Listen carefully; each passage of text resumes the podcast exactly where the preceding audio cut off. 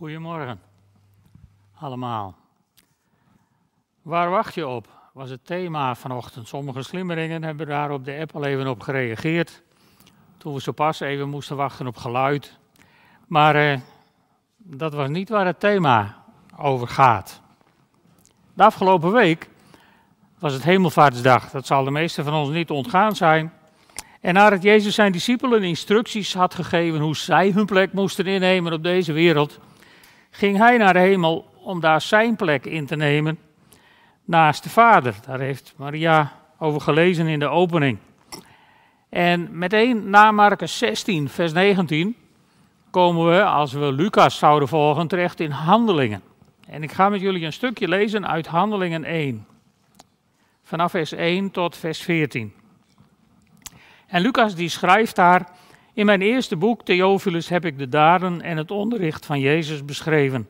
Vanaf het begin tot aan de dag waarop hij in de hemel werd opgenomen, nadat hij de apostelen die hij door de Heilige Geest had uitgekozen, had gezegd wat hun opdracht was.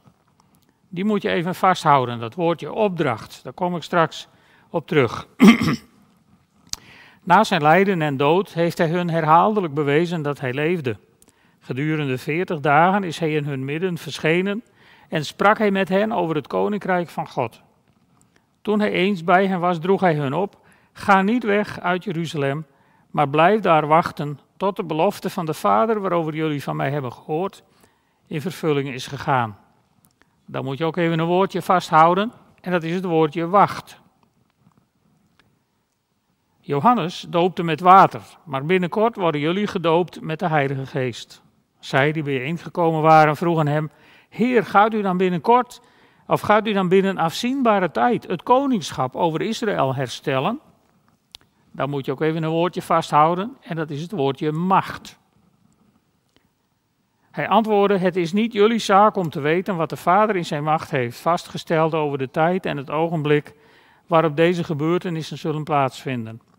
Maar wanneer de Heilige Geest over jullie komt, zullen jullie kracht ontvangen en van mij getuigen. In Jeruzalem, in heel Judea en Samaria tot aan de uiteinden van de aarde.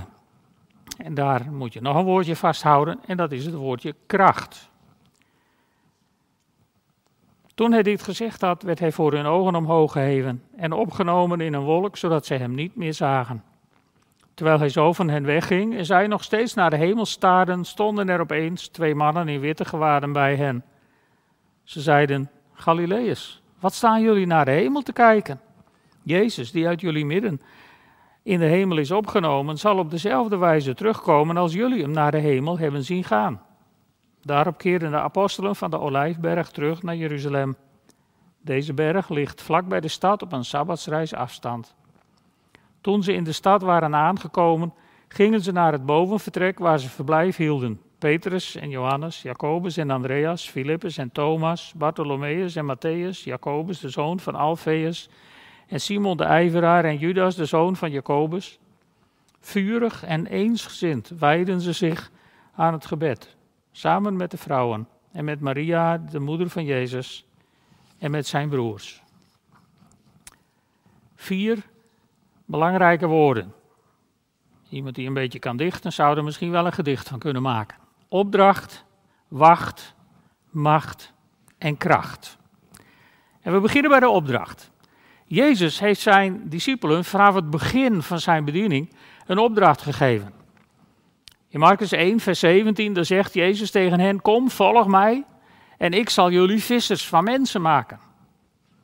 En uh, aan het eind van zijn tijd op deze wereld in Matthäus 28, daar geeft hij een nadere specificatie wat de bedoeling is, hoe je vist op mensen. En hij zegt, dat doe je zo, ga op weg, maak alle volken tot mijn leerlingen, door hen te dopen, in de naam van de Vader en de Zoon en de Heilige Geest, en hun te leren dat ze zich moeten houden aan alles wat ik jullie opgedragen heb. En hou dit voor ogen, ik ben met jullie alle dagen tot aan de voltooiing van deze wereld. Dus de discipelen krijgen een opdracht om vissers te worden van mensen, door hen te dopen en door hen te onderwijzen. In die volgorde laten we die ook vooral niet vergeten. En, en hij belooft dan dat hij bij hun zal zijn tot aan het eind van de wereld. En in Marcus 16, daar vertelt Jezus de discipelen waaraan ze dat zullen merken. Dat hij bij hen is. Hij zei tegen hen, trek heel de wereld rond, maak aan ieder schepsel het goede nieuws bekend. Wie geloofd is en gedoopt zal worden gered, maar wie niet gelooft zal worden veroordeeld. Degenen die tot geloof zijn gekomen, zullen herkenbaar zijn. Aan de volgende tekenen. In mijn naam zullen ze demonen uitdrijven. Ze zullen spreken in onbekende talen. Met hun handen zullen ze slangen oppakken en als ze een dodelijk gif drinken, zal dat hun niet deren. En ze zullen zieken weer gezond maken door hen de handen op te leggen. Nadat hij dit tegen hen gezegd had, werd de Heer Jezus in de hemel opgenomen en nam hij plaats aan de rechterhand van God. En zij gingen op weg om overal het goede nieuws bekend te maken. En de Heer hielp hen daarbij en zette hun verkondiging kracht bij met de tekenen die ermee gepaard gingen. Dus Jezus draagt hun op om te vissen op mensen. Hij legt hun uit hoe ze dat moeten doen, dopen en onderwijzen. En hij belooft dat hij erbij zal zijn en dat kunnen ze zien aan deze tekenen. En als je dat zo leest, ik weet niet hoe het jullie gaat, ik vind dit altijd een ongemakkelijk stukje. Want dan, dan krijg ik altijd dat onbestemde gevoel van, zijn we ergens iets kwijtgeraakt onderweg? Zijn we wat vergeten? Hebben we wat verloren of zo? Maar goed, even terug naar Jezus. Dit was de opdracht. Maar die opdracht had één voorwaarde. En dat is het woordje wacht. Ze kregen een opdracht om te wachten in Jeruzalem totdat dat wat hij hen beloofd had zou komen. Veel duidelijker maakt hij het ook niet. En, en, en dat wachten, dat is het moeilijkste stukje uit het verhaal. Tenminste, ik weet niet hoe het jullie gaat. Ik ben altijd wel even bereid om te wachten, tien seconden of zo. Want wat ik wil, wil ik nu. En uh, dan moet je begrijpen dat toen ik voor het eerst in mijn leven met een profetisch iemand geconfronteerd werd, ik eindelijk achteraan de rij ook een profetie kreeg. En die profetie die was, als het uitblijft, wacht erop. Als ik dat woord niet had gehad, had ik hier ook al lang niet meer gestaan, want dan was ik in mijn ongeduld al lang wat anders gaan doen. Dus die opdracht wacht, daar, daar zit wat in. Maar wachten hou je alleen vol als je iets verwacht. En mijn vraag vanmorgen naar jou is: verwacht jij nog iets? Of geloof je het wel? Of hoop je maar dat Jezus gewoon gauw terugkomt? En als je nog wat verwacht, wat verwacht je dan eigenlijk? Wat verwacht je dan eigenlijk? De discipelen was beloofd dat ze gedoopt zouden worden met de Heilige Geest. Ze hadden geen flauw idee volgens mij wat dat ging betekenen, want dat was nog niet eerder gebeurd, daar hadden ze geen ervaring mee. Ze hadden van Jezus wel wat geleerd over de Heilige Geest. En wat dopen was, wisten ze wel. Ze wisten dat dopen betekende dat je je overgaf aan iemand die je onderdompelde in water en je weer overeind hielp. Je laten dopen betekende de controle uit handen geven. Dat wisten ze wel. En, en misschien moesten ze daarom wel even wachten. Maar ja, als je de doop alsmaar voor je uitschuift, weet je, dan wordt die doop in de Heilige Geest een probleem. Want Jezus zei toch zelf dat je pas leerling wordt door je te laten dopen. En dat kan je door al het onderwijs van de wereld niet vervangen. Dan zijn we in een ingewikkelde tijd aangeland, want er zijn heel veel mensen die zijn als baby gedoopt door hun ouders. En, en als je daar nog steeds achter staat, als je vindt dat dat voldoende was, als jij daar genoeg aan hebt, vind ik dat oké. Lever dan ook na.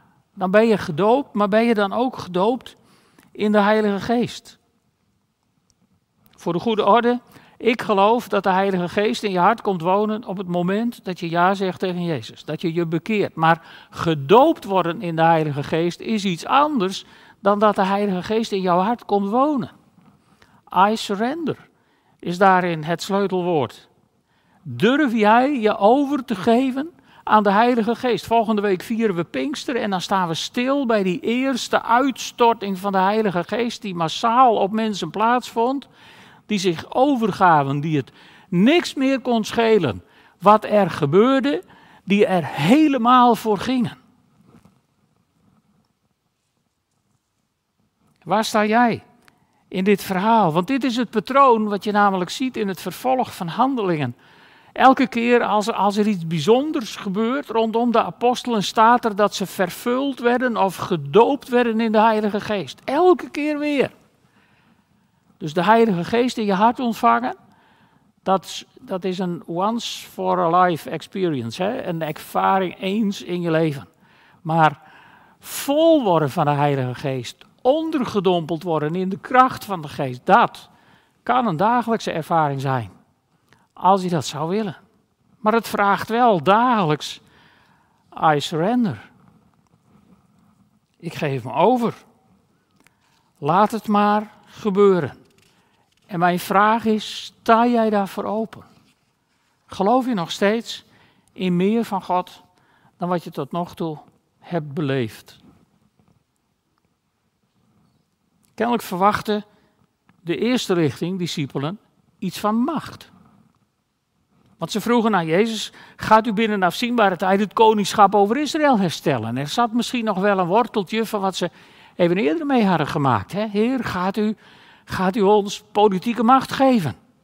Want dan, dan kan hij mooi links van u zitten en ik natuurlijk rechts. Maar dat was niet de opdracht. Jezus heeft, in ons heeft ons in de Bijbel nooit macht beloofd in dit leven.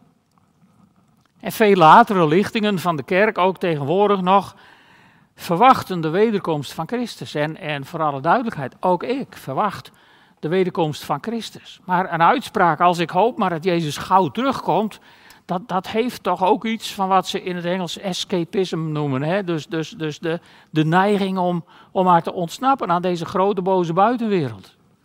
En ook dat was niet de opdracht van Jezus. Macht krijgen was geen opdracht. En vluchten was ook geen opdracht. Wacht was de opdracht. En waar moesten ze dan op wachten? Nou, niet op macht en niet dat Jezus terugkomt, maar op kracht. En dan niet kracht om toch nog de macht te grijpen, maar kracht om te getuigen tot aan de einden van de wereld. En de jonge kerk die sprankelde van deze kracht. Er waren mensen die reisden de hele wereld rond. Er waren mensen die bleven in hun eigen dorp en die vertelden iedereen wat ze beleefden met Jezus. Er waren mensen die, die bleven misschien wel in hun eigen huis om het iedereen die langskwam te vertellen. Maar het veranderde mensen. Het had invloed in deze wereld. En, en, zelfs voordat de apostelen aan het eind van hun leven waren, werden ze onderweg gearresteerd door woedende menigtes. Die riepen van dit zijn de mannen die de hele wereld in rep en roer brengen. Wauw. Er gebeurde wel iets.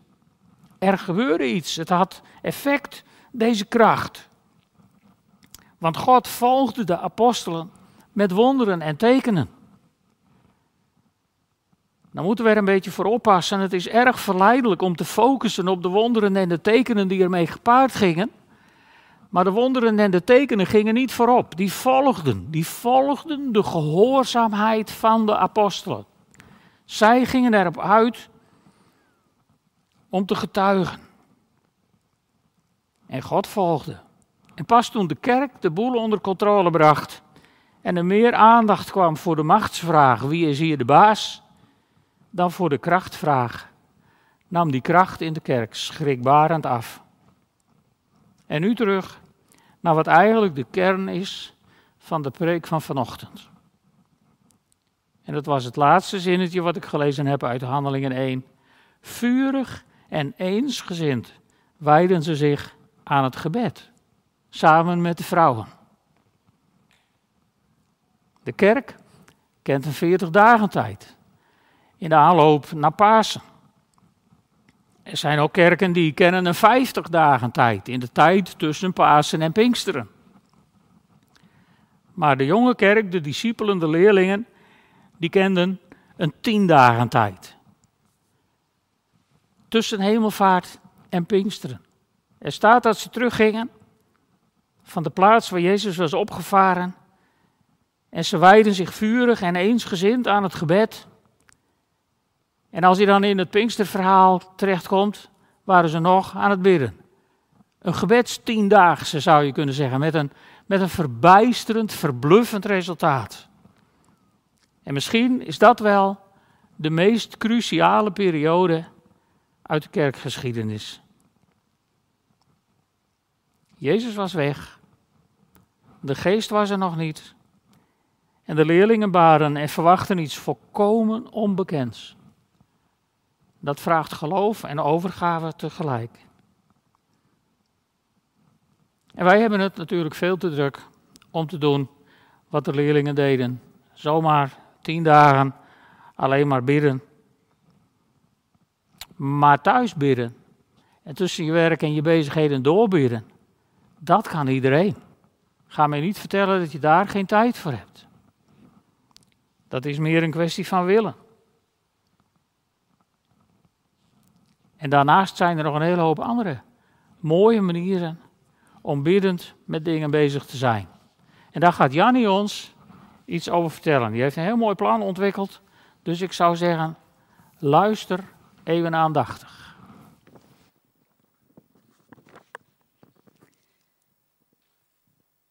Ja, dankjewel. Um, dat moet wat zijn geweest, uh, die leerlingen die daar uh, wachten op wat, wat komen zou.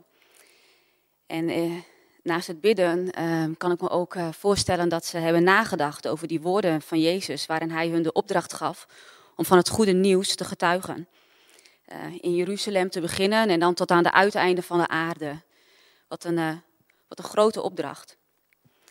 En ook aan ons is nog steeds de opdracht om te getuigen van wat Jezus heeft gedaan en van Gods plan met deze aarde. Uh, wij mogen net als de leerlingen delen in die missie. En ik heb, zoals jullie in de nieuwsbrief hebben kunnen lezen, een zingevingswandeling in elkaar gezet. Waarbij jullie met elkaar in gesprek kunnen gaan over de manier waarop je dat getuigen op een groene manier kan doen. Maar hoezo op een groene manier getuigen? Daar maakten de leerlingen van Jezus zich toch ook niet druk om. Um, en waarvan, waarvan moeten we eigenlijk getuigen? En dat wil ik, uh, voordat jullie aan de wandel gaan, uh, graag even kort toelichten.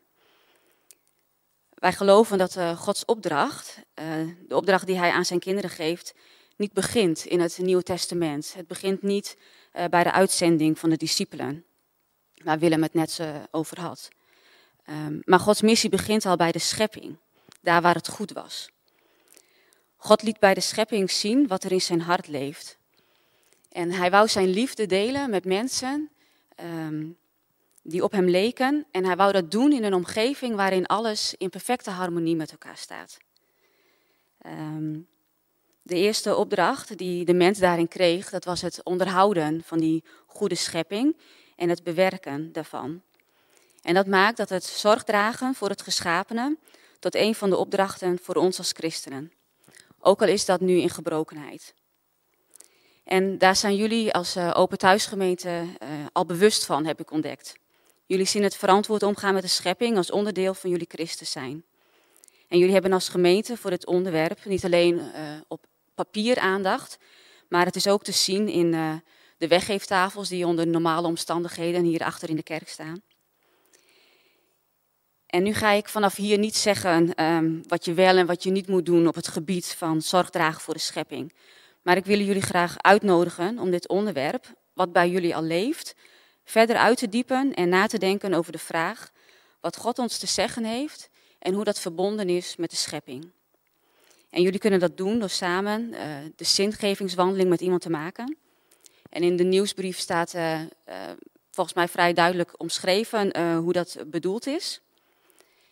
Um, daar verwijs ik jullie graag naar. Um, en we hebben voor deze wandeling de tijd gekozen tussen nu en Pinksteren. Een tijd van nadenken, van gesprek en gebed. Wat wil God en wat, wil, wat is zijn opdracht aan ons? En nu kun je niet zomaar in de Bijbel zien hoe je moet handelen. In de Bijbel was er nog geen sprake van de klimaatcrisis zoals we die nu kennen. Maar de Bijbel laat ons wel het hele plaatje zien van hoe God de wereld heeft neergezet. En dat hele plaatje nu uitstallen, dat ga ik niet doen. Maar ik wil kort aanstippen, wat is ook alweer dat verhaal waarin we leven? En waarom is het zo belangrijk dat we bij de schepping beginnen als we het hebben over de missionaire opdracht die God geeft? Eerst het verhaal waarin we leven. Ehm, het Gods verhaal begint bij de schepping. En dan krijgen we al gouden zondeval. En daarna komt ehm, Gods verlossingsplan. Uh, en de Bijbel vertelt dat verlossingsplan door mensen en gebeurtenissen heen. En totdat we uiteindelijk bij die nieuwe schepping uit zullen komen. Waarvan we al horen in openbaringen. En het is dus schepping, zondeval, verlossing en herschepping. De Bijbel begint met schepping en het eindigt met herschepping. Als je die schepping eraf zou halen, dan begin je bij de zondeval. En dat heeft gevolgen voor je missionaire opdracht. Het draait dan om bevrijding van zonde en oordeel, maar dat is niet het hele verhaal. Want niet alleen de mens, maar de hele schepping heeft immers te lijden en moet bevrijd worden en hersteld worden. En die zorg voor de schepping is dus een opdracht die God gaf aan de mensen toen hij hem schiep. Door goed voor de schepping te zorgen, eren wij God zelf, maar zorgen we er ook voor dat de hele schepping God kan eren. En dat is het doel van de schepping en van de schepselen. God aanbidden. Vreugde vinden in Hem. En wanneer we zorg dragen voor de schepping, dan delen we in dat doel. Dat de schepping kan doen waarvoor ze bedoeld is. Ze kan vrucht dragen en ons voorzien in wat wij nodig hebben. En zo dienen we elkaar en onze maker. Maar we hoeven niet alleen achteruit te kijken naar de schepping uh, en, en proberen dat weer te herstellen, want dat, dat werpt ons terug op onszelf. En dan denken we van, um, ja, als je kijkt naar wat er allemaal in de wereld gebeurt, dan moet er echt heel veel gebeuren. En ja, dat kan ik als nietig mens niet voor elkaar krijgen. Um, dus we mogen ook naar Jezus kijken en we mogen vooruitkijken, want in Jezus' werk um, heeft Hij dat herstel van die wereld mogelijk gemaakt. En wij leven nu in de verwachting van die dag dat alles nieuw wordt. En van die verwachting mogen wij als kerk en ook persoonlijk getuigen en alvast kleine plekken van hoop en herstel laten zien aan de wereld om ons heen. Groen en duurzaam leven zal voor de ene een onderwerp zijn wat meer aandacht en prioriteit heeft dan voor een ander. Maar iedereen kan zijn steentje of zijn steen hierin meedragen. Uh, hoe wordt er over dit onderwerp gedacht en hoe kun je met elkaar meedenken en elkaar motiveren voor een bewust groene christelijke levenshouding? Hoe kun je op een groene manier in het leven van alle dag getuige zijn van Gods plan met deze wereld, van het goede nieuws dat Hij bekend heeft gemaakt? En ik ben uh, erg benieuwd naar wat de wandelingen uh, jullie hierin zal brengen.